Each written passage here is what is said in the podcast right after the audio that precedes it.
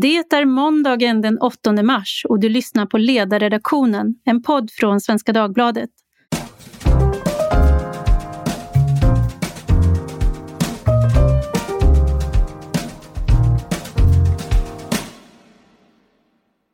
Jag heter Tove Livendal och idag är det internationella kvinnodagen.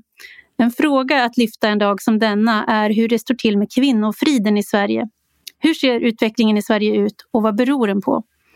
För att diskutera detta har jag bjudit in Stina Holmberg, forsknings och utredningsråd vid Brottsförebyggande rådet, BRÅ, och Erdogan Korsnod, kriminolog och docent vid Lunds universitet. Varmt välkomna till podden. Tack. Tack. Vi ska börja med att tala om hur det ser ut. Under 2019 anmäldes omkring 23 200 sexualbrott varav 8 820 rubricerades som våldtäkt. I den nationella trygghetsundersökningen uppger 5,6 procent att de utsattes för sexualbrott under det året 2019. Hur ska man värdera den här siffran? Är det högt eller lågt och vad jämför vi oss med? Stina? Ja, eh, antalet anmälda våldtäkter och sexualbrott liksom antalet eh, våldtäkter som rapporteras i, i den nationella trygghetsundersökningen har ju ökat kraftigt de senaste 10-5 åren. Eh, vad det beror på, det vet man inte säkert i vilken utsträckning det beror på att antalet våldtäkter och sexualbrott ökar faktiskt eller om det beror på att kvinnor är mer benägna att anmäla det de har varit utsatt för och också är mer beredda att prata om det för att det är väldigt mycket samhälleliga faktorer som avgör om man är beredd att, anmäla och prata om det man har varit med om. Och här har ju metoo, som vi kan se det, spelat en stor roll. Så att eh, troligen beror den ökning vi har sett senare år till främsta delen på en ökad öppenhet bland kvinnor att vilja prata om det och anmäla det. Du skrev ju förra året ihop med en kollega en rapport om svårigheten att jämföra internationell våldtäktsstatistik när man också försöker titta på Sverige jämfört med andra länder. Kan du förklara hur de svårigheterna ser ut? Ja, om man ska jämföra anmälningsstatistiken så måste man ju se eller kolla om man för statistik på samma sätt. I Sverige räknar man till exempel varje brott som är en anmälan. Medan i andra länder, om det är flera brott som ingår i anmälan, till exempel när det gäller våld i nära relation, så blir det bara räknat som ett brott. Och eh, vi har också hela tiden en vid våldtäktsdefinition medan man där till exempel 40 procent av anmälningarna i Sverige inrymmer, om våldtäkt inrymmer inte våld utan avser det man kallar utnyttjande av särskilt utsatta situationer, kvinnan har varit sovit eller varit mycket berusad. I Tyskland till exempel kallas inte det för våldtäkt. Och när man då försöker jämföra Tyskland och Sverige så ser man att om man gör statistiken jämförbar så är det inte så stor skillnad mellan länderna som det först verkar vara när man bara jämför statistiken rakt av. Men menar du att det skulle kunna vara så att det är benägenheten som har gått upp men mängden våldtäkter har inte ökat? Alltså om vi ser, eh, eh, jämför Sverige med, med eh, andra länder i Europa när det gäller hur människor ser, vilka attityder man har till kvinnor och våldtäkt så visar vi en studie en, eh, där man gick ut med en enkät till människor i olika europeiska länder, eller ja, det var EU som gjorde studien. Och där frågade man till exempel, är våldtäkt någonting som man bör hantera inom familjen eller ska man gå till polisen? Och man frågade om man följer någon med någon hem, eh, är det då så att tjejen får skylla sig själv eller om hon följer med någon hem? Om, om eh, eh, det sen blir sex utan hennes samtycke. Och om man tittar på många av länderna i eh, Sydösteuropa, eh, Sydösteuropa så tycker alltså 80 procent att man får skylla sig själv. Och det är klart att i en sån kultur så är man inte så benägen som kvinna att gå till polisen om man vet att, att eh, man kommer att anklagas för att själv ha, ha, ha varit orsaken till, till det som hänt. Så att eh, den typen av, som det man brukar kalla för våldtäktsmyter, tror det påverka anmälningsbenägenheten väldigt mycket. Och om man tänker sig, om det finns en, en sån skillnad, har den, eh, har den funnits över lång tid mellan länder? Eh, vi har bara sett en sån här studie så att det är svårt att säga. Eh, alltså Sverige har ju i minst utsträckning den där typen av kan man säga, kvinnofientliga attityder om man ser jämför med övriga Europa. Men hur länge de här skillnaderna har funnits, det, Sverige har ju en tradition av, jämställdhet mellan män och kvinnor ekonomiskt och liknande. Så att, eh, men exakt liksom hur länge skillnaderna har funnits, det vet jag inte. Jag tänkte på, du nämnde metoo också, men om man tittar på statistiken så den finns ju från 2006 på er hemsida och den sköt ju iväg, eh, kurvan sköt iväg långt innan metoo. Så att hur, eh, kan man... Ja, men och metoo alltså, har varit i flera länder tänker jag.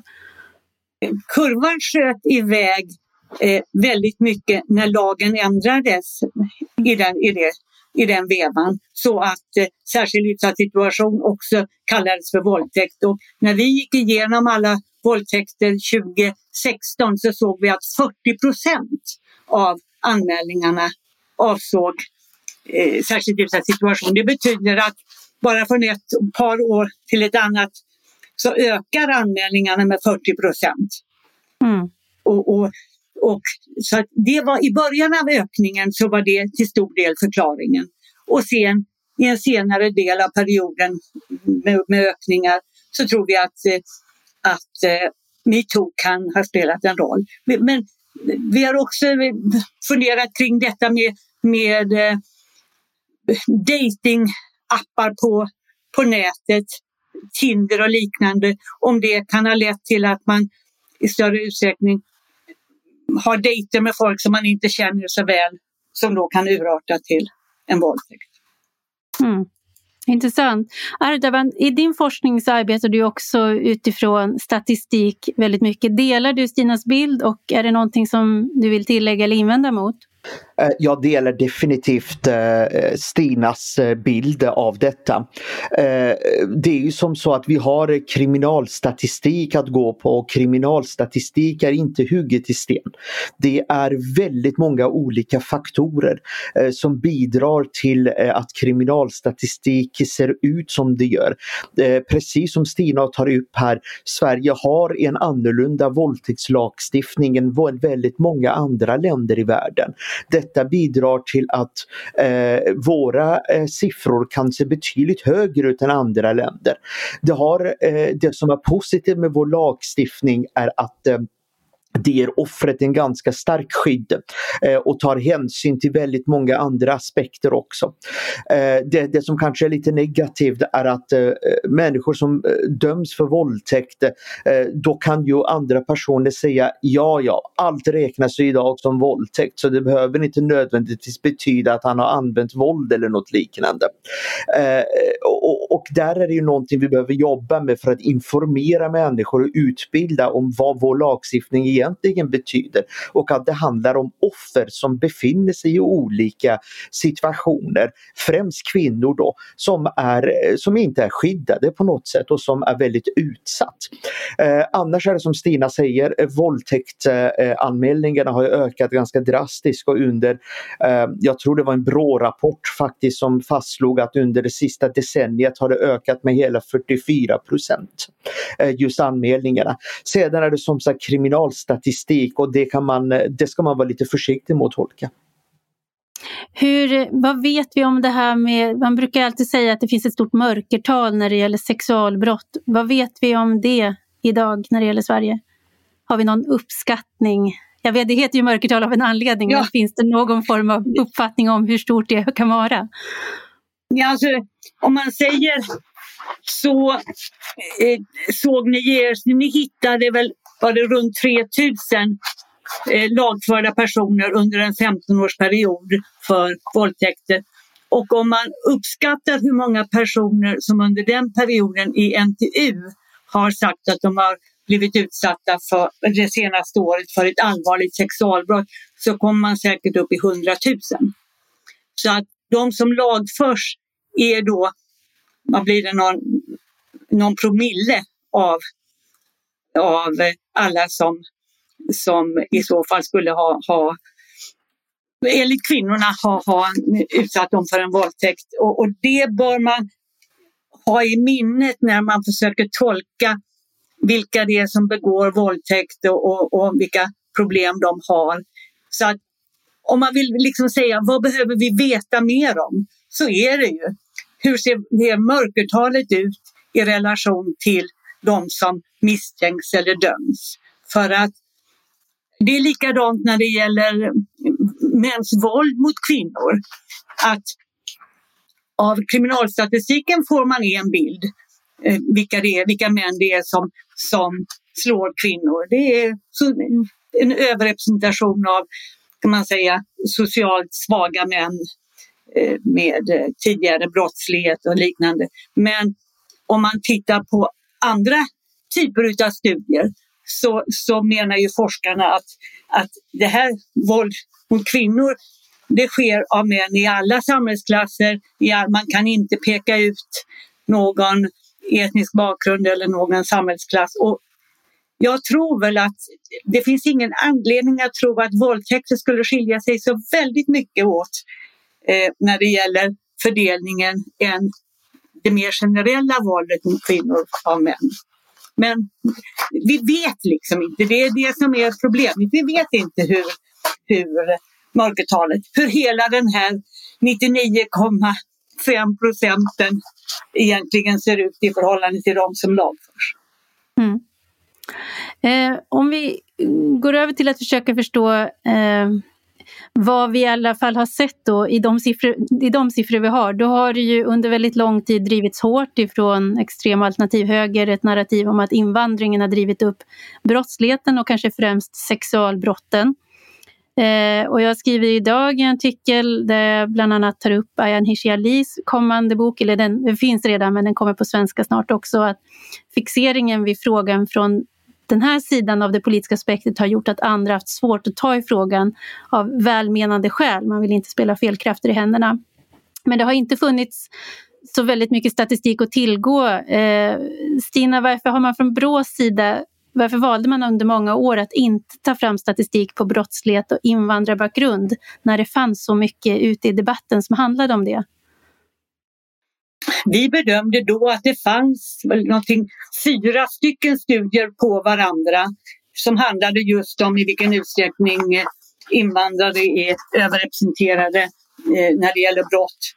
Och de visade så stabila siffror när det gäller överrepresentationen att vår bedömning var då att ja, men man kanske vet tillräckligt mycket för att ändå jobba med åtgärder mot detta en halv procentenhet hit eller dit kanske inte är det viktiga utan man kan säga här har vi ett problem, det bör vi jobba med. Men eh, sen blev ju frågan mer och mer vad man säga, uppmärksammad och då kände vi att ja, men, men det finns en stor efterfrågan på ytterligare en sån här studie. Nu kom det en studie för förra sommaren från eh, det, vad heter, ja, som, som tittar med på använder material från Brå. Och de hittade ju också att, att överrepresentationen inte hade förändrats så väldigt kraftigt. Och nu håller Brå på med en väldigt djupgående studie om invandrare och brott som belyser frågan från alla, alla olika vinklar. Så jag tror att det kommer att tillgodose kunskapsbehovet när det gäller, det gäller fördelningen bland misstänkta. Men då ska man ju fortfarande komma ihåg att vi vet inte hur de misstänkta ser ut i relation till alla som har begått en våldtäkt. Men det är ett mm. väldigt gediget material som kommer. Och när är det det kommer? Ja, det är ju ingen sån där, det, det är ett eget initiativ från Brå så att vi har inte, regeringen kräver inte ett exakt datum utan någon gång, jag skulle tro att det kommer någon gång andra halvan av, av 2021, alltså i år. Mm. Men eh, det, det tar sin lilla tid. Jag har ju sett vilka analyser som görs så att det, det tar nog lite längre tid än vad man trodde. Mm. Eh, Ardavan, du har ju nyligen publicerat en forskningsartikel, eh, Swedish Rape Offenders, Latent Class Analysis med Henrik Olsson, Jan Sundqvist och Kristina Sundqvist. Och I rapporten har eh, ni kartlagt olika variabler och egenskaper hos samtliga 3039 personer som dömdes för våldtäkt, grov våldtäkt och försök till våldtäkt under åren 2000 till 2015. Berätta om era forskningsresultat. Eh, det är ju en rätt eh, stor studie som vi har eh, gjort där. Vi har ju tittat på en 15-årsperiod och studerat 3039 gärningsmän. Och jag vill vara noggrann med att påpeka att detta är då brott, eller detta personer som är då dömda för våldtäkt, grov våldtäkt eller försök till de här brotten. Och vi får inte glömma att det gäller då vår kohort på 3039. För precis som vi har varit inne på här nu och, och som Stina har sagt så, eh, så går det ju inte att uttala sig om eh, de misstänkta, om mörkertalet. Så det här är bara de som har dömts under den här tiden. Eh, och vi har hittat ett flertal intressanta resultat men de två viktigaste resultaten är eh, dels en ganska stor, att en ganska stor del av våra eh, gärningsmän eh, i studien består av första och andra generationens invandrare. Det handlar om 59,3 procent, eh, vilket inte enbart bidrar till att invandrare är överrepresenterade i just vår studie, men att de också faktiskt utgör en majoritet av de dömda. Den andra, eh, intressanta, det andra intressanta resultatet vi har hittat är då eh, att vi hittar två olika klasser eller grupper av gärningsmän. Vi har en klass som består av 75% av gärningsmannen och så har vi en klass som är mindre och består av cirka 25% av gärningsmännen. Och den minsta klassen i jämförelse med den största klassen då består av gärningsmän som är något äldre, eh, det är fler i, där som har lägre utbildning. Fler är etniska svenskar eh, och fler har dömts för våldtäkt och grov våldtäkt än försök till de här brotten. Eh, och inte de här personerna har också betydligt fler problem med tidigare brottslighet och inte minst besvär med narkotika och alkohol. Så om man ska sammanfatta det här, en klass som eh, inte har jättemycket problem med tidigare brottslighet och inte lika socialt utsatt och en klass som är rejält socialt utsatt och har jätteproblem med tidigare brottslighet. Och eh, hur ska man då förstå det här resultatet när, när sådana som jag som sitter och skriver åsikter baserat på vad vi läser och tar del av gör våra tolkningar? Vad är det man bör vad är det man bör förstå? Eh, vad gäller resultatet med, eh, med invandring så måste vi ta reda på varför det är så som det är. Varför är 60% av de dömda under en 15-årsperiod i invandrare? Eh, vi måste så gott som det går ta reda på det här och då behöver vi kvalitativa studier, vi behöver djupdykningar i detta eh, och vi behöver fler studier. Till exempel behöver vi eh, även titta på misstänkta för det här brottet eh, och se hur ser det ut bland de misstänkta. Eh, och detta är ju någonting som vi ämnar titta, eh, som vi ämnar titta på. Eh, vad gäller dock resultatet med, med att vi har hittat två grupper Eh, och, och egentligen är det väl det som jag tycker är det mest intressanta med vår studie. Eh, så innebär det då att vi har en ganska brottsaktivt eh, brottsaktiv och socialt utsatt grupp som gör sig skyldig till de här brotten. Men att vi har också en grupp som inte är särskilt brottsaktiva. Och att vi har en särskild grupp som inte är brottsaktiva, det blir lite besvärande för både polisen och andra brottsbekämpande organ. Eh, det blir en utmaning för dem. Eh, för att de som är väldigt brottsaktiva, eh, de är som oftast kända av polisen sedan tidigare, de är som oftast dömda tidigare, har kanske kontakt med frivården. Men här har vi alltså en grupp som inte är särskilt brottsaktiv och ändå kan göra sig skyldig skyldig till ett så pass eh, grovt brott. Och som sagt, det är en utmaning både för polisen efter att ett brott har begåtts och när polisen ska börja ringa in en specifik gärningsman, men också för våra brottspreventiva organ eh, som då ska ta fram brottspreventiva åtgärder. Och jag kan också lägga till att detta är mer eller mindre samma resultat som vi har fått när vi har gjort en studie på dödligt våld i Sverige. Att vi får en grupp med brottsaktiva personer och en grupp som inte är särskilt brottsaktiva sedan tidigare. Stina, delar du bilden av vad man skulle behöva ta reda mer på? Ja, det som Ardavan säger att vi behöver ta reda på mer om vilka som misstänks för våldtäkt, det är ju den studie som Brå håller på med nu och där vi följer eh, överrepresentationen och andelen över tid. Sen, sen är det, i era studier är det ju en liten komplikation att, att ni slår ihop personer från 15 år, alltså under en 15-årsperiod. Och jag förstår att ni behöver det för att få ett tillräckligt stort material. Men det betyder ju också att det är väldigt olika. En del av den perioden som ni tittar på var ju brottet definierat på ett annat sätt än vad det är idag. I början av er period så krävdes det våld, idag krävs det inte våld. Och eh, eh, antalet eh, vad heter det, lagföringar har ökat.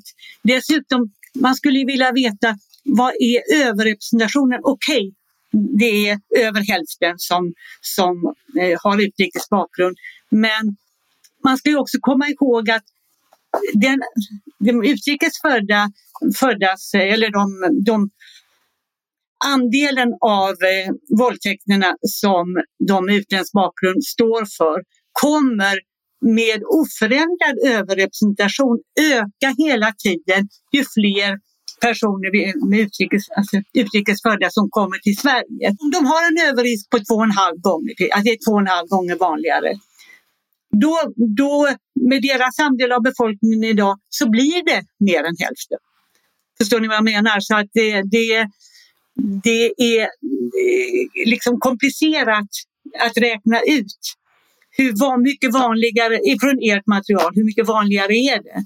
Att det vi vet är ju att överrepresentationen bland misstänkta för brott har minskat när det gäller personer med utrikes bakgrund. Överrepresentationen var mycket högre i Brås första studie, alltså som kom 2005, än vad den var i den studie som kom för ett år sedan.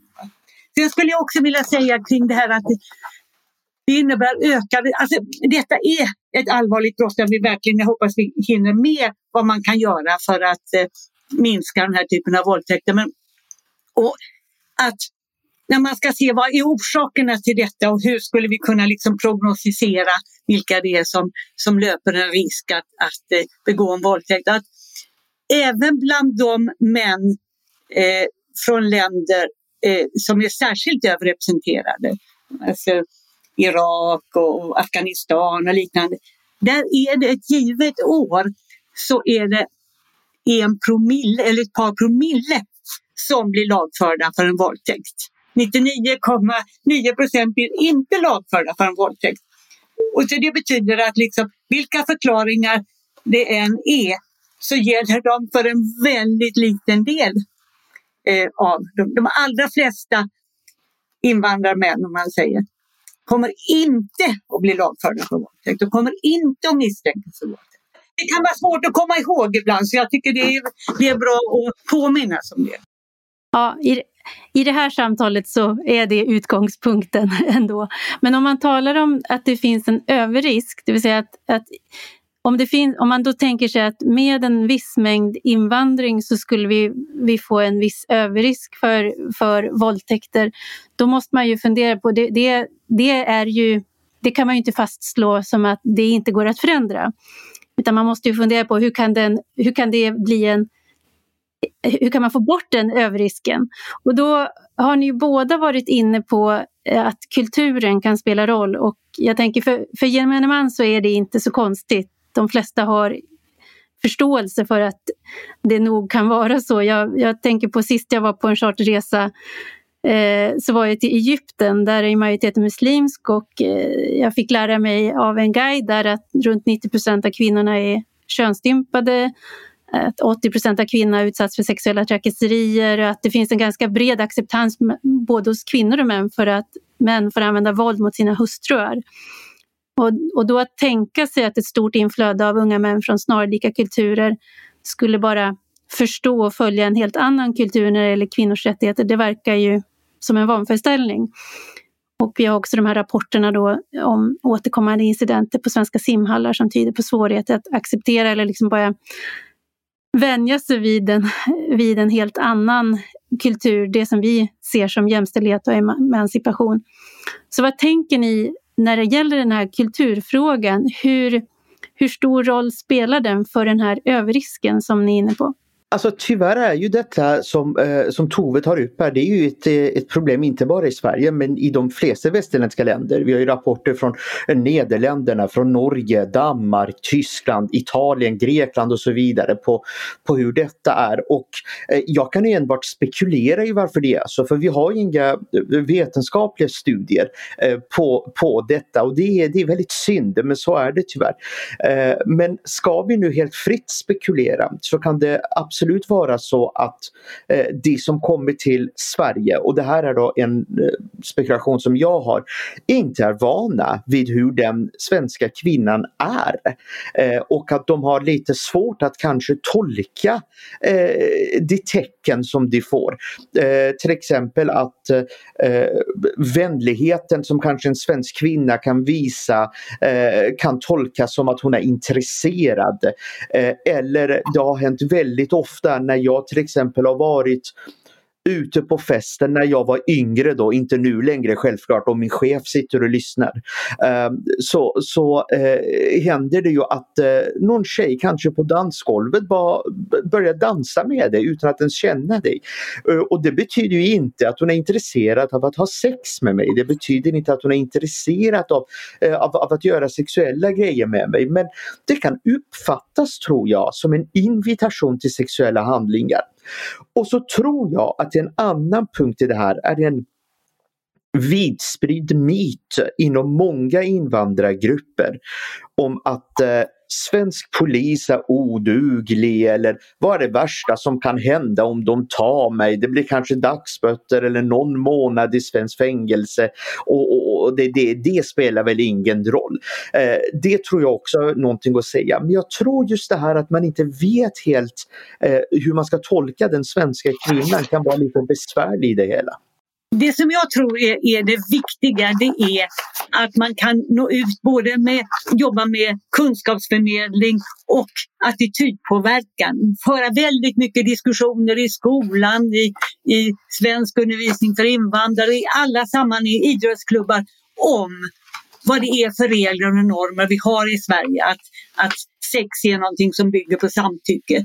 Och, och jag tror inte att vi behöver bara rikta den här eh, undervisningen till invandrare utan, utan jag tror att det här bör vara brett eh, i skolor och, och i, i, olika sammanhang. Att det, är, det är en väldigt viktigt arbete som jag tror eh, kan utvecklas mycket mer än idag. Jag funderar på hur ni resonerar om den den politiska överkänsligheten som ju finns på det här området. Jag tänker på när du säger Stina att 99 99,9 inte begår brott. Och det är ju, för mig är det självklart. Alltså det...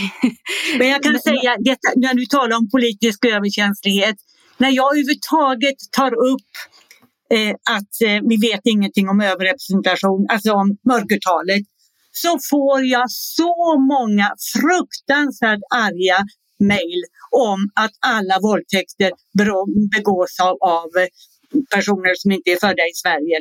Det är, du kan inte ana vad, vad, vad eh, jag får för mejl eh, som är bara eh, fruktansvärda och det är många, många. Så att när du säger det vet vi väl alla så skulle jag säga nej. Det finns väldigt mycket myter när det gäller våldtäkt. Både vad en våldtäkt normalt sett är för någonting och vilka som begår den. Så att eh, jag tror inte det är onödig information att påminna ibland om både det ena och det andra av sånt som kan vara självklart för oss tre. Mm. Men påverkar det er på något sätt i, i hur ni ser på de här frågorna eller hur ni känner att man kan tala om frågorna? Nej, inte påverkar inte mig alls. Eh, jag, jag ställer gärna upp i sådana här sammanhang. Och jag är för gammal för att, att läsa, gå in på sociala medier och läsa alla trolluppfattningar. Så det... Ardavan, ni måste ha varit medvetna när ni satte igång studien att ni kommer att kliva in på områden där det också riskerar att bli den där sortens reaktioner som Stina talar om. Ja definitivt och, eh, och, och jag kan ju bara bekräfta det som Stina säger. Till exempel eh, jag som är då lite yngre än vad Stina är som ändå befinner mig på sociala medier och eh, diverse forum och så vidare. Jag kan ju till exempel se att det är ju väldigt många som även menar att vi har censurerat i vår studie. Det är många som menar att Eh, den här siffran ligger på 90 och att de, de gör det här med avsikt för att få ner det till 60 eller att vi med avsikt har stannat upp vid 2015 bara för att vi inte vill ta med den här stora invandringsvågen. När, när faktum är att eh, hade vi velat censurera någonting hade vi aldrig publicerat den här studien. Och för det andra, vi hade faktiskt ingen data eh, efter 2015. Så enkelt var det. Den datan är inte klar än. Och vad gäller din fråga då, Tove, så, så är ju den akademiska friheten ganska genomgående. Men eh, för vår del, vi, vi, när vi, för att vi var ju inte ute efter att eh, kolla just invandringen i denna studien vi gjorde. Vi var bara, med tanke på mitt intresse inom kriminologin på gärningsmannaprofilering och så vidare, så ville vi ta fram någon form av profil på vem som är den typiska gärningsmannen så att säga i, sitt, i, i citattecken. Men eh, så det här med invandringen det kommer efteråt och, eh, och, och, och, vad vi tänkte är att nej, men vi har korrekt etiskt godkännande från Etikprövningsmyndigheten.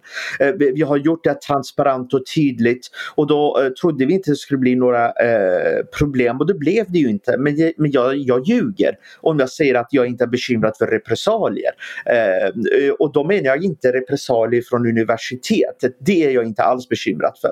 Men däremot har man är bekymrad för individer som kanske inte gillar den forskning man har gjort eller eh, som inte håller med resultatet, som inte gillar att vi gått ut med en viss information.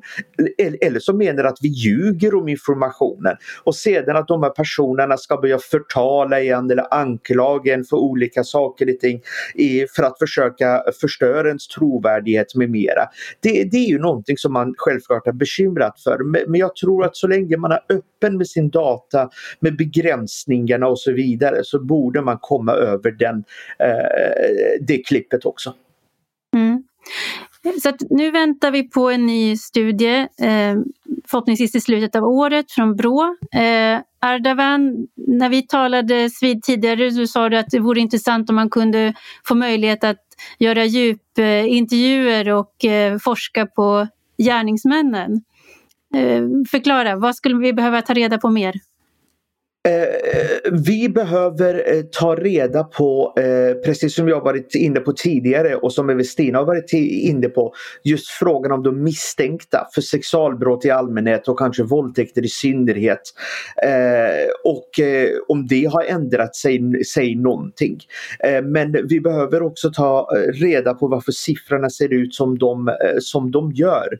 Eh, och då menar jag att vi behöver mer kvalitativa studier, att kanske Eh, intervjua gärningsmännen, gå igenom bevisningen, även ta reda på offren. Det hade varit väldigt intressant att se vilka offren är. Är det, person, är, är, är det kvinnor som gärningsmännen känner sedan tidigare eller är det inte så? Eh, och där vet jag ju att det finns flertalet studier eh, där man har tittat på det där. Eh, men i just vårt kort hade det ju varit av, eh, av intresse. Mm då vill jag gärna göra reklam för den studie som vi gjorde som kom 2019 som heter Våldtäkt från anmälan till dom. För där eh, gick vi igenom vad utmärkte offren, eller målsägarna, och vad utmärkte eh, männen. Och eh, där såg vi att eh, många utav, utav de tjejer som, som anmäler att de har blivit utsatta för våldtäkt är sköra på olika sätt. De, de eh, hade eh, psykiska problem eller, eller neuropsykiatrisk eh, funktionsnedsättning och liknande. Och, och, det gällde också i väldigt hög utsträckning för männen. Så att där, det gick ju igenom alla utredningar som gjordes med anledning av en anmälan om våldtäkt. Och eh, vi gjorde också en studie där, där vi tittade på om vi kunde se tecken på att, att personer med utländsk bakgrund särbehandlades på ett negativt sätt av rättsväsendet så att det var en, en negativ selektion när det gällde vilka det var som fälldes. Men det fick vi inget stöd för och det tycker jag är viktigt att, att lyfta fram. Att, att eh, vi tyckte att eh, de, de fälldes något oftare och lagfördes oftare än de svenskfödda. Men det berodde på att det typmässigt var starkare bevisning i de fallen därför att det oftare var eh, en, en snabb anmälan och man kunde ta, göra rättsintyg och DNA-prov och sånt. Mm. Ja, så jag vill göra reklam för den här rapporten för mycket av det du talar om, det, det, det tycker jag står i den rapporten. Det går utmärkt att göra reklam för forskningsrapporter här. Eh, vi ska ta avrunda men eh, nu är det ju så att vi, nu är Brå en myndighet under justitiedepartementet och även om vi har ett formaliserat oberoende och uttalad självständighet så är ju också universitet statliga myndigheter i Sverige. Men om vi får titta på politikerna då, för att det är ju ändå så att när eh, en sån här dag men också andra dagar när vi talar om våldtäkter så blir ju ofta frågan vad kan politikerna göra åt det här? Och, och det är ju inte så svårt att förstå att om det finns en som du sa, överrisk som följer med migration så kommer det, det kommer att vara en otroligt viktig fråga i överlag hur man ser på invandrings migrationspolitik och integrationsfrågor, den här frågan som ni är inne på.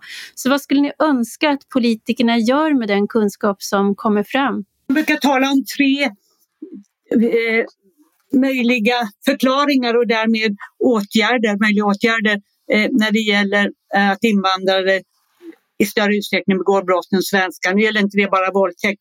Och det är att de, har, eh, de är traumatiserade en del efter vad de har varit med om i sitt hemland och därför har psykiska problem som kan öka risken för brottslighet. Och det andra är att det brister i integrationen, att de, att de eh, eh särbehandlas i samhället när det gäller eller kommer inte in i svenska samhället, vilket kan bidra till brottslighet. Och det tredje är kulturkrockar, eh, som vi har talat om. Ju. Det här är ju saker som, som har varit kända ganska länge och som jag tror politikerna är medvetna om, men man har ännu inte kommit så långt i de avseendena som man skulle önska. Och, och det är väl liksom, man måste fortsätta att arbeta utifrån de här tre trådarna. Hur kan man ge stöd till nyanlända? Hur kan man eh, minska kulturkrockarna och hur kan man eh, förbättra integrationen? För tio år sedan eller fem år sedan så tror jag att, äh, att jag hade lynchats om jag hade talat om kulturer. Äh, och, och, och att äh, det, det, kanske gäller kulturproblem med mera som kan bidra till de här problemen som vi har idag. Idag är vi mer öppna med det. Forskningen har också kommit igång. Politikerna är inte så mycket. och jag skulle vilja se att jag skulle vilja se en reform inom riksdagen eller bland våra politiker egentligen. Eh, jag vill ta paralleller till Polismyndigheten. Eh, polisen har länge varit lite emot att icke-poliser och alltså som till exempel forskare ska komma till men nu har ju polisen de senaste åren eh, haft betydligt tätare samarbete med forskare. Man har till och med anställt flera forskare i myndigheten. Och, och därför tycker jag att det kanske är lite märkligt när vi till exempel riksdagen ofta när det är debatt eh, får höra saker och ting som inte har någon grund i, i, i vetenskapen, som inte har någon grund i forskningen. Och det tycker jag är lite märkligt. Jag tycker att man behöver ta in forskare mer och kanske forskare i, eh, från, eh, från olika synvinklar så att det inte blir så att en viss forskare får all utrymme så att man kan ta till sig all information som finns på slutet så skulle jag ju önska att man reformerar våra domstolar lite så att det blir enklare att samla in data. Det är Eh, eh, det är inte alla forskargrupper med mera som har eh, rätt mycket resurser i form av att man kan anställa väldigt många människor och så vidare. Ska till exempel jag som forskare vilja titta på domar och gå igenom bevisning så måste jag ringa till tingsrätt efter tingsrätt. Det finns inget centralt ställe att, att ringa till och få den informationen. med mindre då man har en hel resurser och så vidare och kan sätta folk på det. Eh, och där, det, det, skulle också vara väldigt, eh, väldigt positivt. Men nu har Brå gjort ett antal eh, eh, projekt. Eh, en till är på väg. Vi har den här studien, fler studier kommer garanterat komma och någonstans måste politiker börja prata, eh, prata åtgärder. Eh, och det har inte jag hört så mycket om än i alla fall. Mm. Och jag tycker att om jag tittar på, på er eh, rapport Erdogan, så är det ju en väldigt tydlig skillnad mellan första generationens och andra generationen. Och det antyder att det går att göra någonting och att attityder och inställningar kan förändras. Att kulturer kan förändras och bytas ut mot andra. Så att här Definitivt. finns ju absolut eh, skäl att tro att det går att få ner det som är en överrisk idag. Definitivt är det så. Stort tack till Stina Holmberg från Brottsförebyggande rådet och Erdavan Kursnod från Lunds universitet för att ni ville gästa podden idag. Tack så mycket. Tack. Tack också till er som har lyssnat. Hör gärna av er till ledarsidan svd.se med kommentarer och frågor. Jag vill också varmt rekommendera SVDs nya dagliga nyhetspodd Dagens Story som består av ett ämne en kvart fem dagar i veckan. Producent idag var Jesper Sandström. Tack för idag.